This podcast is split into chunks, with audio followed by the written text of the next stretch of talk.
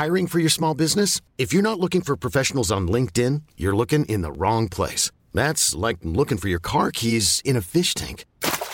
LinkedIn helps you hire professionals you can't find anywhere else, even those who aren't actively searching for a new job but might be open to the perfect role. In a given month, over 70% of LinkedIn users don't even visit other leading job sites. So start looking in the right place. With LinkedIn, you can hire professionals like a professional. Post your free job on linkedin.com slash achieve today.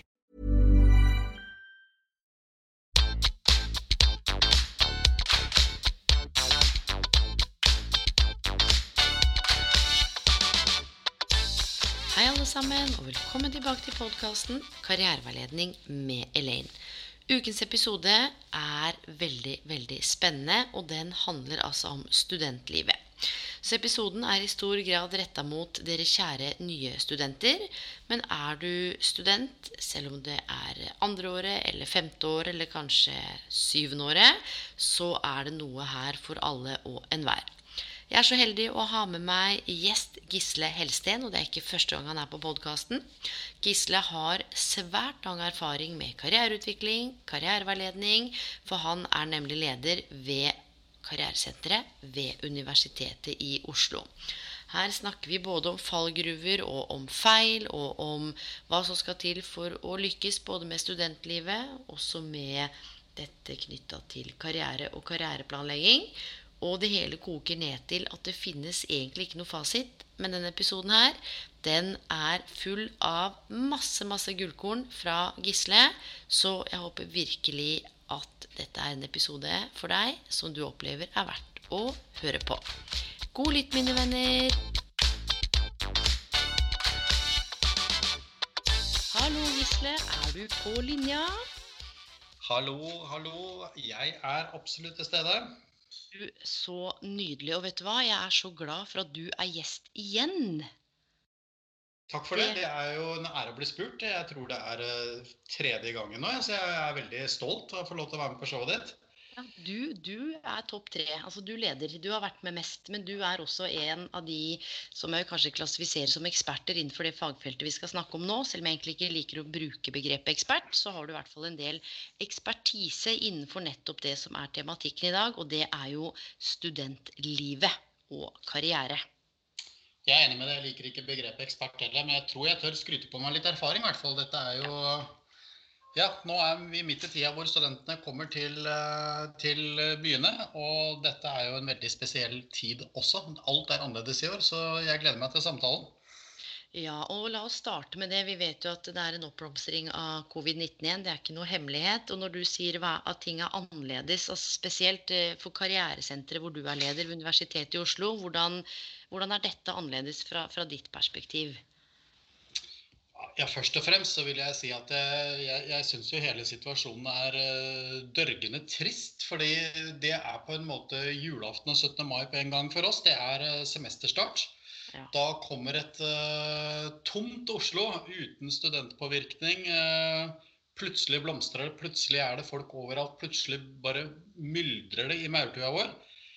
Det er ikke stille i år, men det er jo så kontrollert, og man er jo litt skeptisk taktisk, man holder meteren som man skal gjøre. Det, det er bare en trykket stemning, vil jeg si. Ja. Og det er det jo for de fleste byer og fleste universiteter og høyskoler og folkehøyskoler. Egentlig de fleste som starter opp, vil jeg si. Eh, men det vi skal ha fokus på i dag Vi vet at koronaen er der, men det handler litt om Vi var innom det tidligere når du var gjest også, at plutselig når man er på slutten av eh, sitt studie, kanskje det er bachelor, master, årsenhet, så kommer man på og tenker Oi, jeg skal ut i arbeidslivet en dag. Og så ja. på en måte brenner det litt under beina, og så er det eksamen. Og så har man på en måte, står man i den overgangen. Hva vil du si er noe av det viktigste for studentene å tenke på nå, hvis vi tenker både karriereveiledning, hva karrieresenter kan bidra med, og, og, hva de kan gjøre for nå å begynne allerede tenke, tenke på fremtiden nå, da? Ja, jeg tror eh det er så mye som henger sammen, og jeg tror det lureste studenter gjør nå, det er å faktisk komme seg til universitetene og høyskolene. Bli godt tatt imot, forsøke å skaffe seg et sosialt nettverk og komme seg i gang med forelesninger. Mm. So far, so good. Og så er det dette her med karriere da, og karriereutvikling. Og det er heldigvis ikke en magisk ting som skjer eh, automatisk den dagen du er ferdig med å studere. Det er de små skrittene som gjelder. Det er det å gjøre noe ved siden av studiene som er viktig. Og heldigvis, man trenger ikke være så strategisk hele tiden heller. Man må ikke til gå etter det som står i boka, de riktige tingene å gjøre. Plutselig så blei deltidsjobben på Kiwi noe mer enn du trodde. Kanskje er medlemskapet ditt i foreningen Åpner det seg en ledig stilling etter hvert som økonomiansvarlig. Plutselig kjenner du noen som uh, kjenner noen som har en deltidsjobb eller en internship. Begynn å spre nettverket ditt. Ta kontakt. Og så har jeg veldig lyst til å si til alle som er nye på universitet og høyskoler Dere er supervelkommen til å komme til oss og bare si hei. Trenger ikke ha lure på noen ting utover hva kan, dere, hva kan vi finne på sammen. Ja, for nå er du inne på noe viktig. Altså, det er et par ting her som du sier. Det ene er jo det sosiale eh, nettverket. Og vi ser at det har vært litt eh, mye oppstuss rundt fadderukene og dette med igjen når hvis vi ser på covid-19. Og samtidig så er det jo ikke like lett for alle kanskje å skape seg et nettverk eller å bare ta kontakt. Eh, om det er med dere eller med arbeidsgivere eller med andre studenter. Har du noen refleksjoner der knytta til for de som kanskje opplever det som litt mer ubehagelig og enda litt mer ut av komfortsonen enn noen andre? Hva, hvilke refleksjoner har du til de da, som så gjerne vil, men på en måte ja, kjenner at det, de kan være redd for avslag, vet ikke hva de skal si? En, en, del av det som mange kan kjenne seg igjen i når man er ny. Mm. Jeg kan i hvert fall love at de som tar kontakt med Karrieresenteret på Universitetet i Oslo, skal ikke få noe avslag. Vi har lyst til å prate med alle. Mm. Og så er det jo faktisk eh, Det er litt rart å si det, men det har skjedd noen positive ting med, med covid-19 også. Eh, og det ene er eh, at vi har blitt veldig digitale. Eh, det er faktisk mulig å treffe oss digitalt. Eh, enten å møte oss på noen av de kursene vi tilbyr, eller følge oss eh, relativt passivt på Facebook eller Insta eller hvor du har lyst til å følge oss. Slik at det går an å ta den første approachen litt på den, hva skal vi si, avstandsmåten som er god. Ingen problemer å holde meteren når det gjelder digitale verktøy. Men hva gjør jeg da hvis jeg nå er helt ny, kjenner egentlig ingen, eh, later litt som jeg har kommet i det fordi alle ser ut som de har funnet noen, mens jeg føler meg fortsatt litt alene. Mm. Hører den podkasten her og hører at jeg kan følge dere, men skal jeg sende dere en mail? Booker jeg time på karriere? Altså, hvor, hva gjør jeg for noe? Ja, Det første du kan gjøre hvis du er utkikk etter uh, å spe på økonomien litt, eller finne ut hva vi kan gjøre, send oss en mail. Ja. Ring oss. Uh, send oss en melding på eh, Facebook. Altså det er mange måter å komme i kontakt med oss på. Men så er det også sånn at det, er helt normalt å ikke kjenne så mange når man kommer til en ny by, hvis man ikke har et nettverk med seg. Det er liksom det første man må bare være helt tydelig på til seg selv. Det er helt normalt å ikke kjenne noen. Mm, Hva mm, gjør jeg da? Det er helt OK. Det er helt OK. Eh, og mm. kanskje de første ukene så ser du på de andre i faddergruppa at de har det veldig gøy, og ikke du. Ja, sånn kan det dessverre være. Men mm. der har jeg lyst til å trekke fram foreningslivet. Jeg har lyst til å trekke fram de som virkelig ønsker å ha mer fokus på inkludering. Og de som har lyst til å få flere medlemmer. Og der er det bare å gå inn og lete eh, på hjemmesidene til SIO, eh, altså Studentsamskipnaden i Oslo. Mm. Der er det noe som heter foreningsoversikt. Der er det 400 forskjellige foreninger. Ja. Og noen av de har vi til og med uh, gått i samarbeid med og merka dem som ekstra inkluderende. Ja. Og da er det bare å ta kontakt. Men den første kontakten må man faktisk ta selv. Ja, og, og, det er Nå er vi inne på noe så litt hva skal vi si, dette litt med ansvar også. Nå opplever jeg i hvert fall fra mitt personlige perspektiv at det hviler mye ansvar på mange unge skuldre knytta til dette med å fikse livet sitt og mestre livet og håndtere sin egen karriere. Mm. Men så er det også sånn litt som du er inne på at eh, ja, det kan virke litt utfordrende, og man kan kjenne på ensomhet eller være alene selv om man er kanskje en del av et fellesskap. Men det er noe med å kanskje tørre å stole på seg selv og stole på at man har noe å tilby. Og rett og slett, som du sier, kanskje tenke litt ut av boksen. Og jeg er glad for at du sa det. Man, alle trenger ikke følge den samme strømmen, gjør de det? Nei. Og vær så snill, følg din egen strøm. Altså, Verden nok, har nok av mennesker som ønsker å gjøre som man gjorde i fjor. Og mm. det er jo noe vi helt sikkert skal uh, oppleve i tiden som kommer. Det er at vi skal endre oss i framtiden. Vi skal jobbe på en annen måte. Vi skal ha interaksjon med hverandre på en ny måte. Så tør å holde med det som er spesifikt ditt.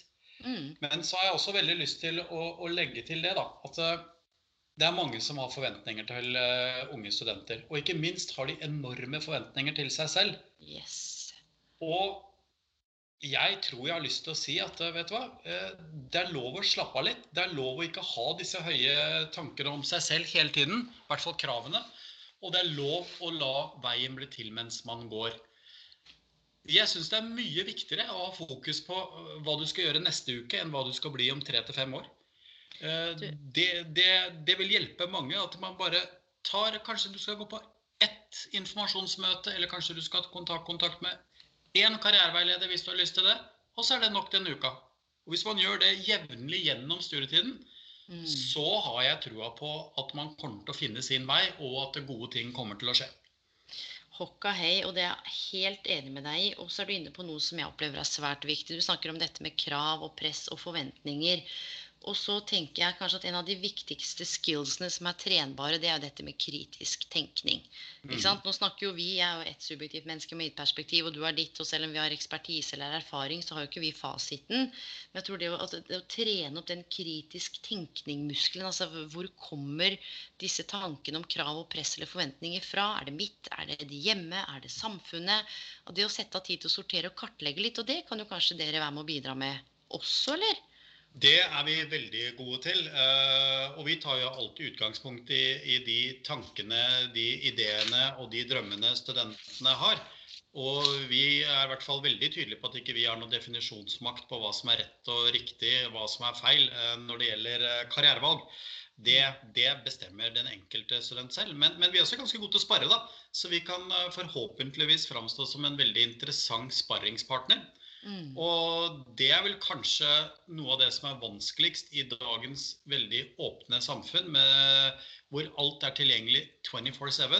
Mm. Det er å ha en nøytral, fortrolig samtalepartner. Og det kan vi være. Ja, og så er det jo sånn at karriere berører også andre arenaer av livet. Sant? Så det er jo noe med på en måte det mandatet i forhold til hva konkret karriereveiledning skal være med å bidra til. Men så er jo også karriereveiledningsbegrepet ganske vidt. Så, mm. så, dette med, med, karriereutvikling, og som du sier, man trenger ikke vite egentlig helt hva man skal lure på, men det er bare den, å komme over den dørstokken og ta den første kontakten, og så vil jo praten på en måte ofte rulle etter hvert, opplever jeg. Mm. Um, men jeg har fått ekstremt masse henvendelser de siste ukene knytta til dette med studiestart og mestring og forventning, og skal jeg begynne og skal jeg slutte allerede nå? Og nå skal jeg spørre deg om noe som jeg egentlig ikke liker å spørre om, for jeg liker ikke begrepet, så kanskje du kan hjelpe meg å omformulere det. I og med at du har såpass lang erfaring med dette i den posisjonen du har vært, hva er på en måte de mest vanlige skal vi si, fallgruvene, for jeg liker ikke ordet feil, eller de ja, rett og slett de vanligste fallgruvene mange nye studenter gjør, da? Har du gjort deg noen tanker rundt det? Ja, men jeg tør å være litt uenig med det akkurat der, uh, Elaine. Ja, fordi jeg tror ikke man skal være redd for at man har gjort en feil. Ære være de som innser at de kanskje har valgt noe som ikke er riktig ære være de som tør å gjøre noe med det før man eh, drar seg gjennom tre til fem år. Derfor er det kanskje ekstra viktig å ta kontakt med en nøytral part. Det kan være en studieveileder, det kan være en karriereveileder, det kan være noen. Og stille de spørsmålene. For det, noen ganger så har man valgt feil, rett og slett. Altså, du, du, burde ikke tatt dette studiet. Åpenbart burde du ha vært der. Og det går an å bytte til jul, eller går an å bytte til sommeren. Men også, like viktig, så går det an å samtale om ok, nå har du vært her i to uker, det, det ble litt annerledes. Men vi har ganske mye erfaring med å fortelle om hvordan fagene utvikler seg, hva mm. man lærer, og vise den relevansen mellom det man studerer og det man skal jobbe med, som ofte kan være ganske vanskelig å se. Så jeg syns det er flott ja, at studenter tør å stille spørsmålet til seg selv har jeg valgt feil.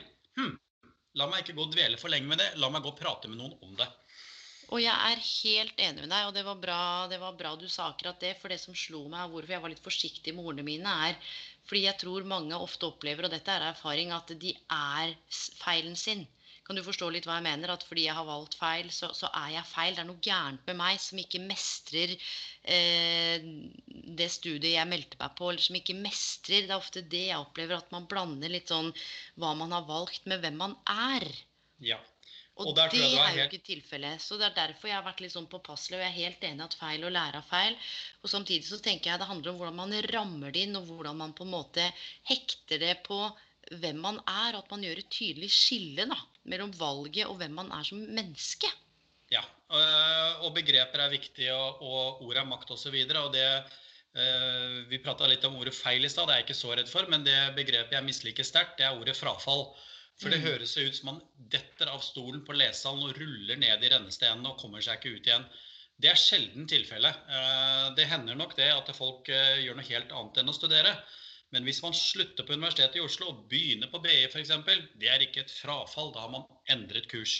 Mm. Og jo tidligere man tør å ta de samtalene uh, med seg selv først og fremst, men så begynne å spare med noen andre, så kan hende at absolutt alle parter rundt deg eh, syns du er den modigste i verden som tør å ta noe så utradisjonelt valg som å faktisk endre kurs. Mm. Og det, det, er faktisk en historie som man kan bruke resten av livet. Har du noen gang stått i en vanskelig situasjon, og turte du, eller hva gjorde du for å komme ut av den? Plutselig har du et eksempel. Ja, det har jeg. Da jeg mm. begynte på det studiet, prøvde jeg. Jeg skjønte at jeg var på feil hylle. Jeg fullførte semesteret, fikk mine karakterer. Så endret det. Det er det beste valget jeg har gjort i mitt liv. Mm. Og nå er vi nettopp inne på dette her med, med, læring, og det er ikke så lett å, å se når man står midt oppi det, men litt sånn i etterpåklokskapen når man ser tilbake. Og akkurat dette med å håndtere og, og velge noe annet Dette handler også om å trene på karrierekompetanser som handler om å håndtere overganger, selvinnsikt, åpne mulighetsrommet og være litt sånn bevisst hvor man beslutter fra, eller hvordan man tar, man tar beslutninger. Og jeg mener at altfor mange sitter alene med karriereplunder oppi sitt eget hode. Ja. Fordi jeg, jeg, jeg, vil ikke si ordet skam helt, men man vet ikke helt hvordan man skal sette ord på det. Man vet ikke helt hva som er hva. Og så blir det at man bare går og luller i det samme. Og så går det tre år, og så får jeg en e-post om at oi, jeg tror jeg har valgt feil. Nå bare holder jeg ut. Og det, det gjør meg litt vondt, altså. Ja, det gjør meg også vondt. Og jeg liker jo ofte begrepet flertallstyranni. Og da sikter jeg til at eh, ofte er du den eneste som kanskje har en tanke om en retning, men det bærer kanskje litt mot retningen til hva flertallet mener. Mm. Og da skal du være ganske tøff for å stå der. Hvis de fleste rundt deg og de fleste påvirkerne eh, sier at uh, du bør gjøre sånn og slik, så skal du være sterk når du står uh, mot et sånn type flertall. Og det er nettopp det vi trenger i Norge. Det er folk som tør å finne litt sin egen vei. Søke litt uh, kreative veier hvor de mener at de kan få utnyttet sin kompetanse best. Men det er lett å bli veldig alene med de tankene og følge eh, majoriteten og flertallet. Der er nettopp den nøytrale samtalepartner som vi kan være. Jeg tror vi kan være rett og slett en god ressurs for dem. Og bare for å gjenta til alle førsteårsstudenter som hører på denne poden her. Dere som går på første semester, er supervelkommen til å komme innom oss og slå en prat. Ja, og jeg tror det er så viktig å si at vi slår et slag for dette her. Og at igjen, de fleste instanser eller institusjoner har jo noen form for studieveiledning eller karriereveiledning. Og jeg tror at hadde flere på en måte Jeg tror Altså man vet nok kanskje at dere eksisterer, eller at instansene eksisterer. Men det er igjen dette med å få ut fingeren og bare gjøre det uten å måtte ha noe kjempeklar problem, problemstilling. Det er bare det å lufte hodet litt. Ja, eh, og hvis du kan hjelpe meg med én ting, eh, så kan du hjelpe meg å finne et bedre begrep enn karriere. For det, er et litt slitsomt ord. Ja. Fordi det er definert til noe som eh, har med arbeid å gjøre, og det er definert til noe man gjerne gjør etter at man er ferdig å studere. Jeg er jo helt fundamentalt uenig i det. Karriere er det man sysler med når man ikke er privatperson. Og derfor er det så viktig å få med det perspektivet til nye studenter at arbeidsgiver eh, de ser ofte på din formelle grad og karakterene dine som et, hva skal vi si, en forutsetning for at du skal bli helt tatt vurdert som en aktuell søker når du er ferdig. Mm. Men så kommer det alt det andre inn, det du har gjort. Og det er ikke så viktig hva du gjorde. Man trenger ikke å tenke på at det må være så politisk korrekt eller strategisk. Fordi hvis du får valget om hvorfor valgte du å engasjere deg i XX eh, forening eller politisk parti, Mm. Så vil de vite driven din. De vil vite hva det som fikk deg til å stå på og gå på barrikadene, jobbe 15 timer som frivillig. Hva var det som drev deg? Og mm. kan du ta med den driven over til min organisasjon? Det er mm. det man gjerne ser etter. Det er det derre Hva skal man si? Engasjementet. Og det trenger ikke å være sånn superstrategisk hele tiden. Det er selvfølgelig bra når ting er veldig relevant og knyttet opp mot hva du skal gjøre. Ikke noe negativt om det. Men det kan like gjerne være at du har tatt en skjerv for en spesiell liten gren i idrettslaget og løfta det opp til nye høyder. Ja, og det er akkurat noe med det også, for nå er vi inne på dette her med å både se verdien av det du har papiret på, men også hva du har lært deg gjennom livets skole. Sosial kompetanse, egenskaper, alt det du er innom. Og så mm. veit jo jeg og du at livet skjer, og de fleste som hører på med hånda på hjertet, så tror jeg de fleste dere har kjent på at livet har skjedd. Det blei ikke helt sånn som man planla. Og plutselig så treffer du noen som eh, propellerer deg i en eller annen retning, som gir deg en eller annen tanke, og så ender du på et eller annet sted hvor du aldri hadde tenkt du skulle være. Så dette med å ja, være strategisk for, som, for de som eh, holder på med det, helt supert. Men igjen så er det jo sånn at i hvert fall av min erfaring og personlig så har stort sett veldig lite gått akkurat som jeg har planlagt. Og det er helt eh, OK. Det er veldig OK, det er veldig normalt. Eh, bare som en digresjon, jeg har en mastergrad i asiatisk politikk med fokus på det japanske kommunistiske parti. Det er ikke så ofte jeg jobber med det, så jeg må innrømme det. Nettopp. Eh, men eh, jeg lærte jo mye, da. Eh, og det jeg lærte spesielt, var at jeg tok den graden i utlandet. Det er en oppfordring jeg kommer med til alle studenter. Veldig få reiser ut. Igjen tilbake til flertallet. De reiser ikke ut. Men sjekk ut de fantastiske utvekslingsmulighetene du har på ditt studieprogram. Mm. Du har virkelig sjansen til å reise ut. Det er kanskje helt feil tidspunkt å prate om det nå, for det er virkelig umulig å reise ut. Men vi håper at dette går over på et tidspunkt, så her får vi ha litt lengre perspektiv. Eh, men hvis muligheten byr seg, eh, og du kan få et utvekslingssemester eller to, det, det, er bare en læring som du bare kan drømme om å få hvis du forblir i ditt trygge, vante miljø. Mm. Og så tenker jeg også En ting er reisingen, og et annet perspektiv som slo meg når du snakka, det er jo dette med tid.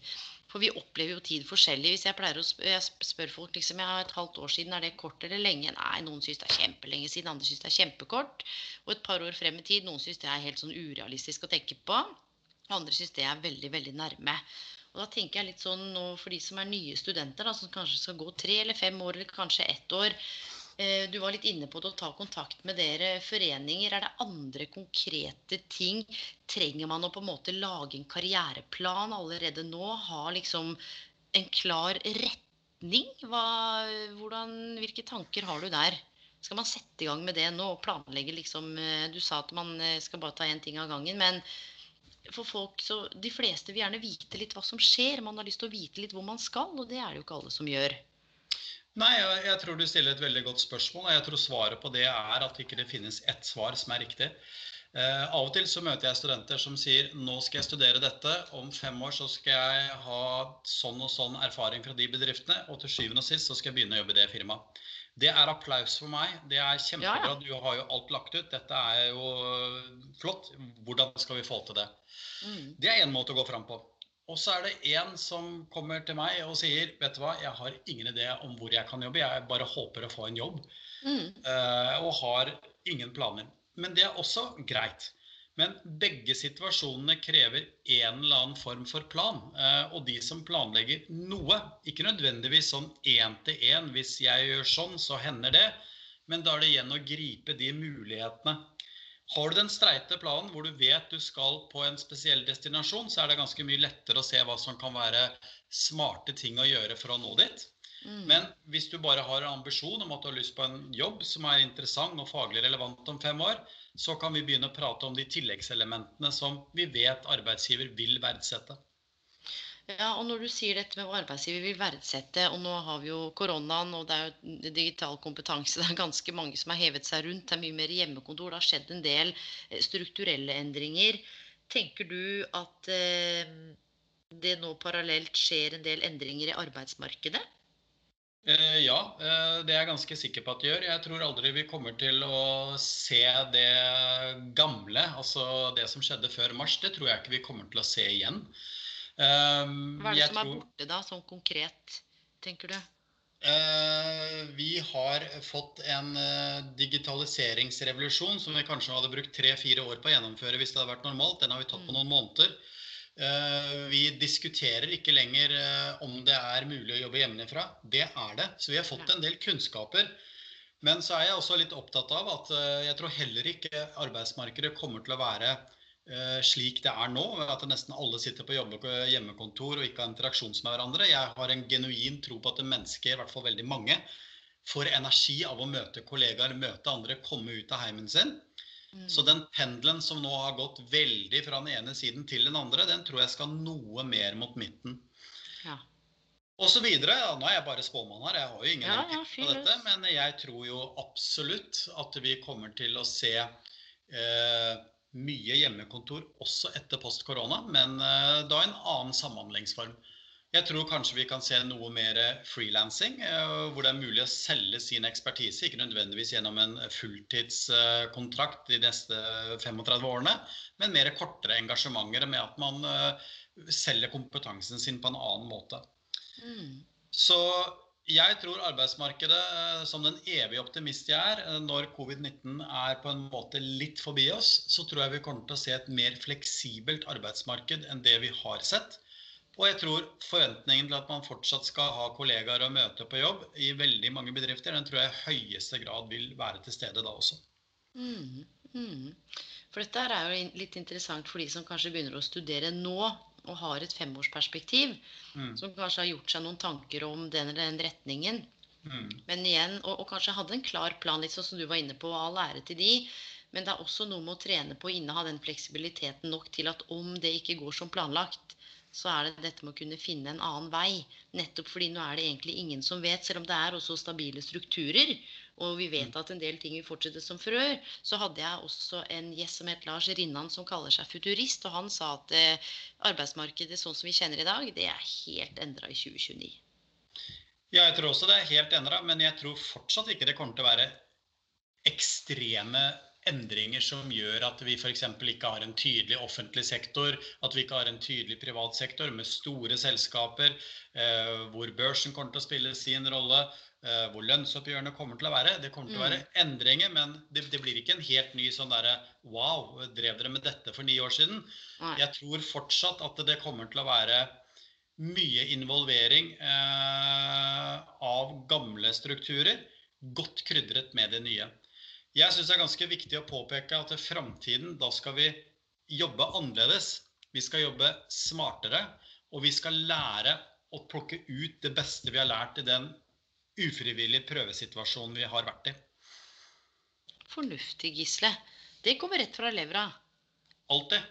Ja, vi har jo ikke noe manus. Nå bare snakker vi om noe som vi begge to brenner for. For vi veit at det er jo flere tusen til tusentallsvis av studenter som, som, rett og slett eh, er nysgjerrig på det vi snakker om nå, som kanskje ikke har tenkt over det vi snakker om nå. Um, og dette med at karriereutvikling, karriereplanlegging eller et annet begrep for, for karriere som du var inne på, dette er også noe som du sa, at veien blir til mens man går. Og det jeg opplever, kanskje du har noen tanker rundt det, jeg tror jeg nevnte det kanskje ikke når vi snakka sammen, men det er en sånn eldgammel kunst som jeg opplever på en måte har blitt litt borte, og det er den kunsten med å stole på seg sjøl. Mm. Ja. at, at, jeg må oppsøke en ekspert, eller jeg må oppsøke noen enten for å få bekreftelse på at jeg har tenkt riktig, eller for å rydde unna. Og det syns jeg er helt supert. Men hvordan kan unge studenter, eller litt eldre studenter som er nye, som nå står på trappene, hvordan kan man trene på å i større grad stole på seg sjøl? Jeg tror litt tilbake til dette jeg pratet om flertallstyranniet, at det er mange som bestemmer hva som er smart og fornuftig å gjøre. At det er en vei som er uh, pensa ut for mange. Den tror jeg gjelder. Mm. Men så tror jeg også av og til kan frykten for å tape være større enn ønsket om å vinne. Uh, og noen ganger så er det viktig å stille seg spørsmålet hvor galt kan dette faktisk gå hvis jeg prøver dette? Og som regel så er det ikke så enorme konsekvenser hvis man f.eks. ikke liker uh, Nå skal jeg bare ta et helt tilfeldig, tilfeldig ja. bransje. Finansbransjen. Jeg mm. liker ikke finansfolk. Jeg skal i hvert fall ikke jobbe i en bank. Det er type holdninger som du bare taper på selv. For det, når du definerer noe du ikke skal, så ha det beslutningsgrunnlaget fundert på noe som du virkelig vet, og at du kan stå inne for i ettertid. Så hvis du ikke har lyst til å jobbe for en bank, gå og hør på hva DNB, Kredittkassen eller Storebrand eller hvem det måtte være, hør på hva de sier. Og jeg er nesten tilbøyelig til å være så freidig å si de kommer til å overraske deg. De mm. kommer til å fortelle deg ting du ikke visste, og de kommer til å fortelle deg at vi jobber mye med eksempelvis eh, samfunnsansvar, vi jobber mye med miljø, Nei, vi teller ikke bare penger. Det penger har vi faktisk ikke brukt på 20 år. Nei. Så det er en del myter som er viktig å knuse. Så hvis man skal være forutbestemt og forutinntatt, baser det på vitenskap og ikke antakelser. Mm. Og der tror jeg mulighetsrommet glipper for mange. Og særlig også hvis jeg hadde sagt til deg at Gisle, du bør ikke velge den studieretningen fordi jeg kjente Berit, og hun gikk der, og hun trivdes ikke. Mm, og han professoren var skikkelig rar. Ja, og han Ja. var slitsom, og jeg skjønte ingenting, og det var bare rot. Og så, Mm. For jeg har truffet folk som virkelig har hatt en eller annen drøm, men så er det ett annet menneske som har infisert dette andre mennesket med viruset sitt. Mm. Fordi de har hatt en dårlig opplevelse og på en måte formidla det på en sånn måte at det, det må du ikke velge. Og igjen så er det denne kritisk tenkningen og evnen til å stole på seg sjøl kombinert med det å gå innom karrieresenter, luft tankene dine, ta en prat med noen som er uh, uhilda, holdt jeg på å si, som på en måte ikke har For du har jo ikke noe som helst å tjene på at jeg kommer til deg. Altså, skjønner du? Jeg må jo ikke betale deg.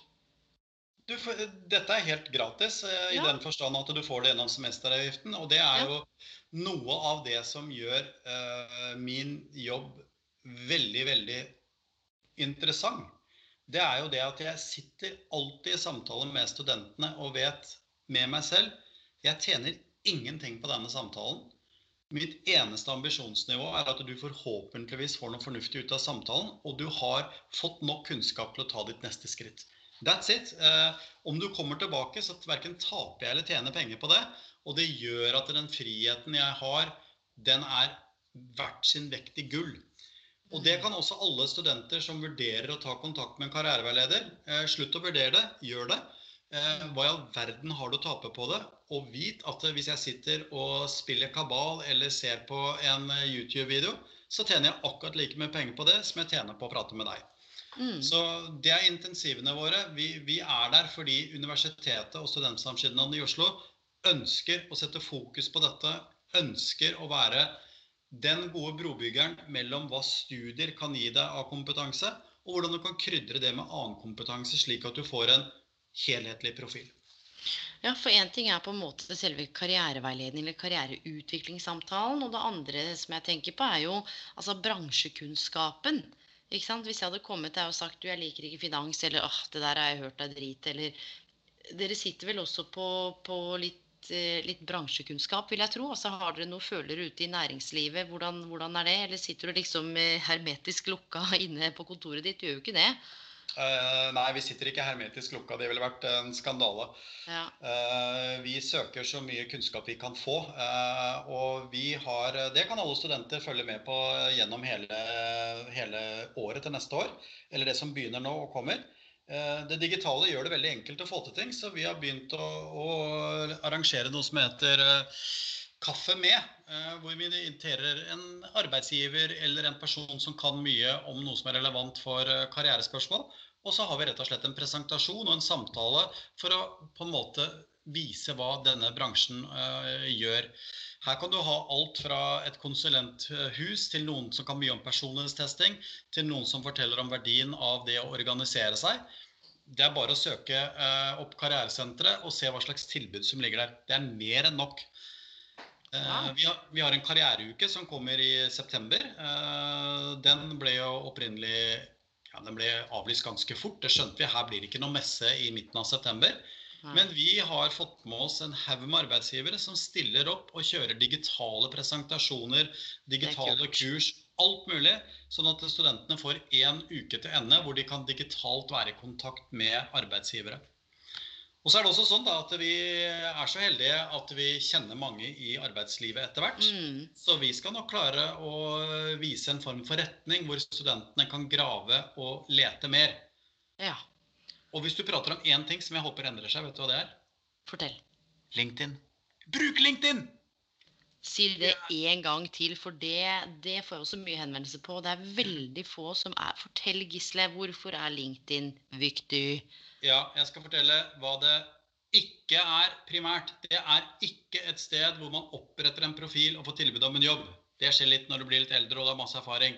LinkedIn er først og fremst den profesjonelles base hvor man legger ut informasjon om seg selv, om bedriften, om tematikk man er opptatt av. Selvfølgelig viser de fram ledige stillinger, men det er den derre kontinuerlige faglige praten som er relevant for store og mindre grupper. Jo mer du kan definere hvem du er og hva du sikter mot, så kan du finne de rareste diskusjonsfora på LinkedIn som diskuterer akkurat den fagligheten som du og tre andre i Norge er opptatt av. Og det er det som er the beauty of it. Det er nemlig at du kan finne så mye relevant og god informasjon der. Så det å være student og si at LinkedIn ikke er relevant, det, det, da kan du også kjøpe deg en fasttelefon.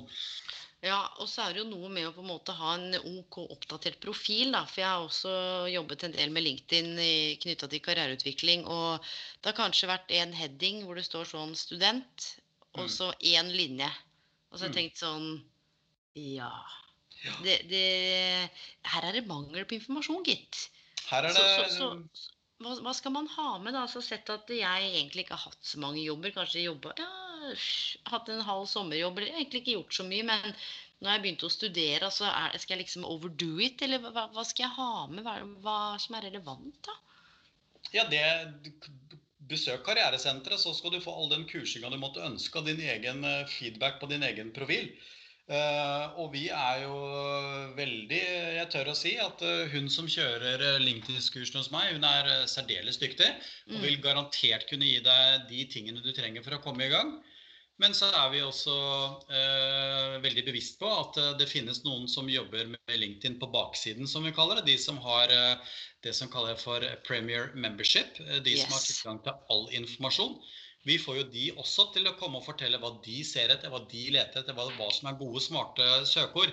Mm. Eh, for hvis du tror at det å være student er unikt, så er det ikke det. Altså, det er ca. 250 000 andre. eh, og på samme måte som det meste når det gjelder jobbsøking, så er det den største feilen er egentlig å bli lik alle andre. Det man skal mm. søke, er å bli unik. Eh, det er å skille seg ut, ikke nødvendigvis med å være har bare toppkarakterer. Man kan skille seg ut på mange måter, men man skiller seg ut ved å kunne presentere sin profil på en slik måte at de som er på andre siden av LinkedIn, legger merke til din profil. Mm. Og det er jo ingen hemmelighet at LinkedIn jobber med er algoritmestyrt. Yes. Eh, og da må du finne de nøkkelordene som eh, treffer algoritmene best. Mm. Og det kan vi være med å gi råd og vink til, hvordan du kan få fram din kompetanse. Mm. Og et annet tips der, altså ikke bruk for mange det jeg kaller for bullshit-bingo-utrytt, som at du er agil, fleksibel, dynamisk, for det er det ingen som skjønner hva er. Men hvis du kan bli konkret på noe du kanskje har studert, noe du skrev mm. masteroppgave om, noe som er spesifikt det du har gjort i en deltidsjobb, så begynner man å fange opp. Mm, og jeg tenker at det å starte å bygge en LinkedIn-profil allerede nå, selv om den kan oppleves som eh, innholdsløs for mange som føler at de ikke har gjort mye, så sa du nettopp det at det, det er ikke bare karakterene. Det handler jo om eh, mye av det andre man har gjort også, som er en del av hele pakka. da, Med ja. karriere og livslang læring, og en arbeidsgiver også, som du var inne på med mindre det er noe helt spesifikt, så er det sjelden at eh, det er bare karakterene som teller. Det tror jeg nesten aldri har vært borti. Har du? Eh, noen bransjer er veldig opptatt av karakterer. Det er jo ingen hemmelighet det at uh, det er fokus på det noen steder mer enn andre. Men det begynner å viskes ut, og de fleste mm. arbeidsgivere er smartere enn som så. Mm. Men jeg har lyst til å trygge studentene, som er litt flaue over egen profil og har få kontakter eller connections, som det heter. Yes. Alle starter med null. Det er ganske viktig. Alle starter med null. Det er eh, det absolutte nullpunkt. Det fins i LinkedIn. Mm. Og Der har jeg et veldig godt lite grep man kan gjøre mens man er student. Fordi når man studerer, så går man jo som regel på et program, og de programmene er ganske oversiktlige. Det er ikke så mange der, og etter hvert så vil du kjenne to andre, og så vil du kjenne fire, og så åtte, og så 16, og så kan vi resten av regla. Men de er jo bare medstudenter. De har jo ikke vært noe feil. De har vært ganske mye. For det mm. første så er det mennesker du blir kjent med. Det blir en profesjonell relasjon, for du har studert med dem. Men så kommer det i det veldig langsiktige løpet Hvor er de om fem år, ti år, 15 år? Og hva slags etablering og kontakt har du klart å skape med disse? Og Man trenger ikke ha det som utgangspunkt at jeg connecter med deg fordi at du er viktig for meg om 15 år. Det er det ikke sånn det virker. Men så er det engang sånn da, at eh, de man har en relasjon til, de husker man. Og da vil det være enkelt om noen år å ta kontakt med noen. 'Hei, Jeg eh, og du, vi gikk på metode i statsvitenskap sammen. Husker du det? Bla, bla, bla, bla. bla. Mm, Og så kan mm. man stille spørsmål videre. Mm. Og da blir det en fin og personlig henvendelse. Så har man null kontakter, start med de du går på kull sammen med. Ja, og så tror jeg det handler om, og spesielt i den tiden her, men som alltid, også det å kunne hjelpe hverandre. Nå ser man jo at man hjelper hverandre på kryss og tvers, ung, gammel. Jeg hadde jo eh, en professor fra Bøyene, Anders Dysvik, som snakka om dette med svada myter rundt generasjoner, bl.a. Mm. Eh, at ikke sant, det er mye rart med generasjon Z og Y og X, og det funker ikke, og det funker. Han knuste en del myter. Og jeg tenker det er fint det du sier på LinkedIn også, at ofte så tenker man ja, what's in it for me, eller hva skal jeg få ut av dette her? Men igjen, you never know, da. Plutselig, Gisle, om tre år så er det noen du har snakka med eller truffet, som plutselig ansetter deg, eller du ansetter Altså, poenget er at man veit ikke. Det er ingen Nei, som veit hva som skjer. Ja, nei, det vet man ikke, og det tar lang tid å bli kjent med folk. Og for en god del øh, Ja, det, det er en stund siden jeg var på et seminar, og det er et seminar jeg husker. og Jeg har vært på mange seminarer, jeg husker virkelig ikke alle. Mm. Men da var det en som pratet om det han kalte for 'givers and takers'. Har du hørt om det før? Ja, ja, ja. ja. ja. Og det syns jeg er ganske fascinerende. Det handler om delingskultur. Mm. Hvis du bare gir og aldri får, så er det en dårlig byttehandel. ja. Men det er ingen tvil om at hvis en giver møter en annen giver, så får de ekstremt mye mer ut av en relasjon hvis man bare er en, en som gir, eller bare en som tar. Mm. Og det aller viktigste en delingskulturperson gjør og skal være bevisst på, det er at man skal ikke knytte for mye tette bånd til de som bare tar.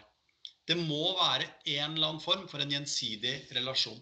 Mm. Så hvis man har som utgangspunkt selv jeg deler, jeg kommer til å følge den personen, og jeg får helt sikkert noe tilbake, så vil du i ni av ti tilfeller få noe tilbake. Og den ene som er bare gnien og ikke deler i det hele tatt, vurder i hvilken grad du skal fortsette å dele. Ja, og det tenker jeg er eh, veldig veldig viktig. Og jeg tror også litt sånn i begynnelsen også, hvis man er ny og kanskje kjenner litt på det, så er det lett å bli litt desperat òg. Ja. Kan du skjønne hva jeg mener? At man har veldig lyst til å please, man har lyst til å bli likt. altså Dette ligger i oss mennesker. Vi er jo flokkdyr. Men Ja. igjen, dette med å kunne stole på seg sjøl og rett og slett eh, Vet du hva? En sånn cut the crap all bullshit. Bare være et sånt helt OK, genuint godt menneske. Ja, man kommer Ville langt, andre vel. Du kommer ganske langt med det, altså, uten alt kommer dette langt med god folkeskikk. Det Boa er, fjern og alt det styret og alle fasadene. Og vet du hva, jeg hadde en dame en gang i karriereveiledning, det skal jeg bare si kort. Og hun hadde altså så fasade, det var alt du kan tenke deg. Det så ut som sånn pitch perfect. Og så begynte vi å komme litt bak fasaden, og så etter mye om og men så blei vi enige om at det egentlig ikke var så ålreit å ha den fasaden hele tiden. For det hun oppdaga gjennom samtalen, det var at ved at hun hele tiden ikke bøy på seg sjøl og opprettholdt den fasaden, så tvang hun på en måte de rundt seg til også å opprettholde en form for fasade. Det var innmari mye bullshit. Ja da, det er jo ikke bra. Det kan ikke være gøy å ha det sånn. Eh, og hvis man har eh, interesser eh, som kanskje ikke er det som defineres som mest mainstream, Mm. da har jeg bare lyst til å gå tilbake til det jeg sa om foreningslivet. Der finner du alt, altså. Og hvis du er en Men som virkelig liker alt? Altså er det alt fra teater til, til hvordan man lager salo? Altså, skjønner du? Er det bare Ja, alt. Eh, og hvis du ikke finner noe, så ska, skap en egen forening. Vi hjelper deg gjerne med det. Eh, og hvis din hovedinteresse er rollespill i skogen hvor man fekter med sverd, kjør på. Ikke vær eh, flau over det. Kjør på. Fordi du får så mye energi og får lov til å holde, gjøre det du holder på med. Og det kan du ta med deg tilbake til lesesalen. Og en happy student er en god student. Eh, sover man godt om natten, føler at det rundt studiene virker, så er det også Ja. mye lettere å prestere akademisk. Ja, og nå sa du noe viktig, for jeg hadde en kar som drev og repliserte old battles. Så han, før, dette var lenge før koronaen, for et par år siden, har jeg fått lov til å fortelle, han reiste rundt, han i Ungarn og Polen og Tyskland og rundt omkring, og dressa seg opp i, i stas fra 1850-tallet og virkelig repliserte masse slag som hadde vært rundt om i Europa. Ja, det er helt fantastisk Og at han- noen driver med det. Han digga det, og når han snakka om det med en sånn lidenskap og entusiasme, så skjønte du at her er det en som A kan historie, samtidshistorie altså, Han var så kunnskapsrik at jeg blei helt satt ut, jeg. Og det var en av nøklene til at han i løpet av det kurset der på et senere tidspunkt fikk jobb som han aldri hadde trodd han skal få, nettopp fordi han hadde noe som var så helt unikt og annerledes, og som du vet, han klarte å formidle og flette inn i den jobben med en sånn ja, jeg, vet hva, jeg, jeg bare kom på når du sa det, jeg har aldri sett maken. Altså, man skal ikke undervurdere hobbyer, interesser og, og, og det å kanskje være litt annerledes, altså. Nei da, eh, og man kan bruke hobbyer og interesse til også å bli kjent med andre. Eh, jeg, jeg, vet jo veldig godt hvordan jeg fikk min første studiekompis på da jeg begynte å studere. Jeg kjente jo ikke en kjeft. Eh, kom inn i stort lesesal, det var sikkert 180 stykker der. og det var Halvparten var tatt, og alle satt alene, liksom. Jeg måtte gå rundt og se. Ja. Og plutselig så ser jeg en fyr som har Det er så banalt som at han hadde et pennal hvor det sto Liverpool på pennalet. Der skal jeg sitte, sa jeg. Her er det en fyr som eier på Liverpool, det må være en bra mann. Men du satt, eh, satt du deg ned da, og så hviska du inn i øret hans 'You'll never walk alone'? But of course. Ja, og da var det eh, liksom?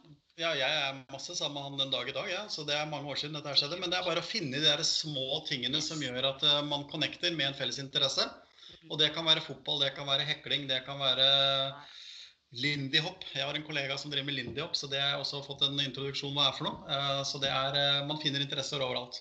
Ja, ja. Og Gisle, jeg har hatt folk som har samla på tenner. Sånn at whatever works. Whatever works. Men du, avslutningsvis, nå har du delt igjen og som vanlig veldig mye kloke tanker. Avslutningsvis nå, er det noe du føler ikke at du har fått sagt? Eller til de som hører på nå, primært nye studenter, hva er dine sånn oppsummert absolutt beste karriere eller refleksjoner rundt akkurat det de står i nå, knytta til bl.a. karriereutvikling og dette med framtiden og alt det vi har vært inne på. The mic is yours. Feel free til å share your wisdom, Gisle. Jeg tror jeg har lyst til å sitere det slagordet som uh, gjelder på i Oslo som Studentsamskipnaden har eh, lansert, og det er 'rett foran nesa på deg'. Og det betyr at de tilbudene som ofte er noe som kan være vanskelig å få tak i, noe man ikke kjenner til, de fleste ligger veldig, veldig kort avstand fra der du sitter og leser. Så hvis du som student har lyst til å gjøre noe annet enn bare å studere, ta kontakt med noen og spør mm. hvor får jeg informasjon om dette. Du trenger ikke være spesifikk i dine spørsmål. Du trenger ikke engang vite nøyaktig hva du lurer på, om det er karriere eller om det er fritid og venner. Noen har det som skal til for at du kommer ett skritt videre. Og hvis man kobler det på, at hvis du selv opplever at du sitter litt mye på studenthybelen din, ikke prater med så mange, ikke har en deltidsjobb, så har jeg dessverre en dårlig nyhet. Og det er du må ta det første skrittet. For vi klarer ikke å vite hvor du er hen, men du vet hvor vi er hen. Ta kontakt. Mm. Nydelig. Nydelig. Gisle? Som vanlig så kunne jo vi holdt på fryktelig mye lenger, men nå holder jo studentene på med mye annet, så vi skal ikke gjøre de helt svette i øra. Jeg er sikker på at eh, vi høres igjen om ikke så altfor lenge. Selvfølgelig kommer du helt sikkert til å være gjest en ny tematikk. Men eh, jeg spurte deg jo rett og slett i dag om du var keen på å gjøre en liten episode om dette, og da gikk det kort tid, og så sa du Of course. Og da tenkte jeg I'll never walk alone. Når Gisle er bare en, en Skype-samtale unna, og du heiv deg rundt. Sånn at eh, jeg skal ikke oppholde deg lenger. Jeg skal si tusen, tusen takk igjen for at eh, du med din ekspertise satte av en, en, hel kveld, en, eller halv kveld, til å snakke om dette. Det er viktig for meg, og jeg vet at dette er viktig for deg. Elaine, det er alltid så utrolig hyggelig å bli spurt. Eh, og hvis jeg treffer én student gjennom denne samtalen, så er denne kvelden verdt alt sammen. Ja. Det er derfor jeg har den jobben jeg har, det er derfor jeg digger den jobben jeg har. Fordi jeg er så privilegert at jeg får lov til å prate med folk som kan så mye som jeg ikke kan. Som har drømmer, tanker og ideer som ikke jeg visste at det kunne finnes. Det får jeg jobbe med hver dag. Jeg har jo verdens beste jobb. Du, jeg er helt enig. Jeg er helt enig. Kanskje noen blir inspirert til å, å jobbe med det vi gjør på et eller annet tidspunkt. Du veit aldri. Man vet aldri. Gisle, tusen, tusen takk skal du ha. Vi eh, snakkes igjen, vet du. Og til alle som har hørt på denne episoden, tusen takk. Gisle, si kort igjen, hvor er det studentene kan ta kontakt med dere? Vi holder til på Fredrikke på Blindern. Eller så har vi et telefonnummer. Vi har en e-postadresse. Det er bare faktisk å google Karrieresenteret ved Universitetet i Oslo. Så gjelder det. Eh, eller så googler du ditt eh, institusjonsnavn, f.eks. BE, og skriver karriereservice, så finner du fram. Dette er et tilbud som alle studenter i Oslo i hvert fall har tilgang til. Mm. Nydelig, Gisle. Tusen takk skal du ha. Vi snakkes helt sikkert om ikke så lenge. Ha det bra.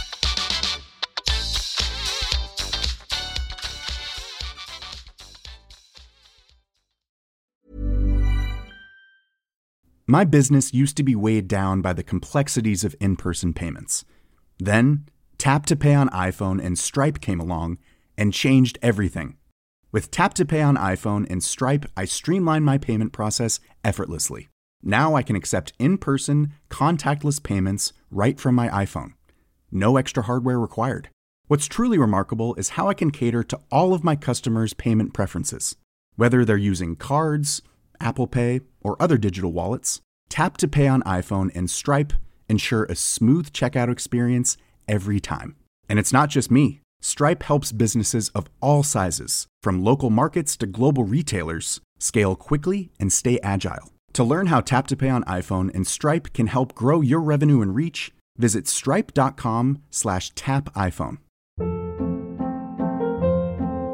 Hold up. What was that? Boring. No flavor. That was as bad as those leftovers you ate all week. Kiki Palmer here, and it's time to say hello to something fresh and guilt-free. Hello Fresh. Jazz up dinner with pecan-crusted chicken or garlic butter shrimp scampi. Now that's music to my mouth. Hello Fresh. Let's get this dinner party started. Discover all the delicious possibilities at hellofresh.com.